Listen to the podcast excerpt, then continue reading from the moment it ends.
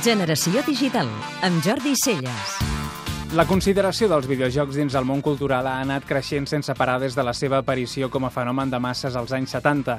Una expressió cultural en tots els sentits que també ha esdevingut en poc més de 30 anys la indústria cultural amb més volum de negoci arreu del món. Però el pas definitiu cap a la consolidació del marc artístic dels videojocs s'està produint des de les institucions dedicades a investigar i a mostrar el patrimoni cultural. Fa pocs dies, el MoMA, el Museu d'Art Modern de Nova York, ha fet públic que dedicarà una part de la seva exposició permanent als videojocs.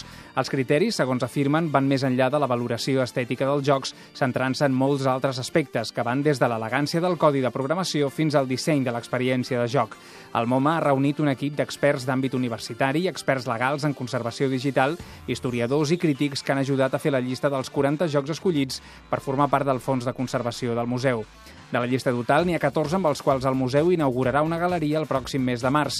Pac-Man, Tetris, Another World, Myst, SimCity 2000, Bip Ribbon, The Sims, Katamari Damacy, EVE Online, Dwarf Fortress, Portal Flow, Passage i Cannavalt han estat els escollits. Dos jocs de la dècada dels 80, quatre de la dècada dels 90 i vuit a partir de l'any 2000.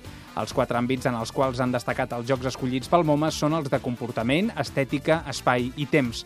Si bé és veritat que hi ha hagut moltes exposicions retrospectives sobre videojocs en institucions institucions culturals al llarg dels anys, mai fins ara s'havia creuat la barrera que marca el fet de formar part d'una col·lecció estable d'un dels museus d'art més reconeguts del món.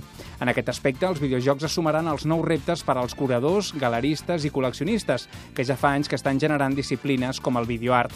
L'interrogant està en saber quina valoració de mercat, si és que ha d'existir, poden tenir productes digitals pensats d'entrada per ser reproduïts de forma massiva. Ralph Baer o Nolan Bushnell, considerats respectivament el creador dels videojocs i el creador creador de la indústria de l'entreteniment digital, també podran ser considerats ben aviat creadors d'una disciplina artística de museu. Podeu escoltar Generació Digital cada dissabte de 4 a 6 de la tarda a Catalunya Ràdio.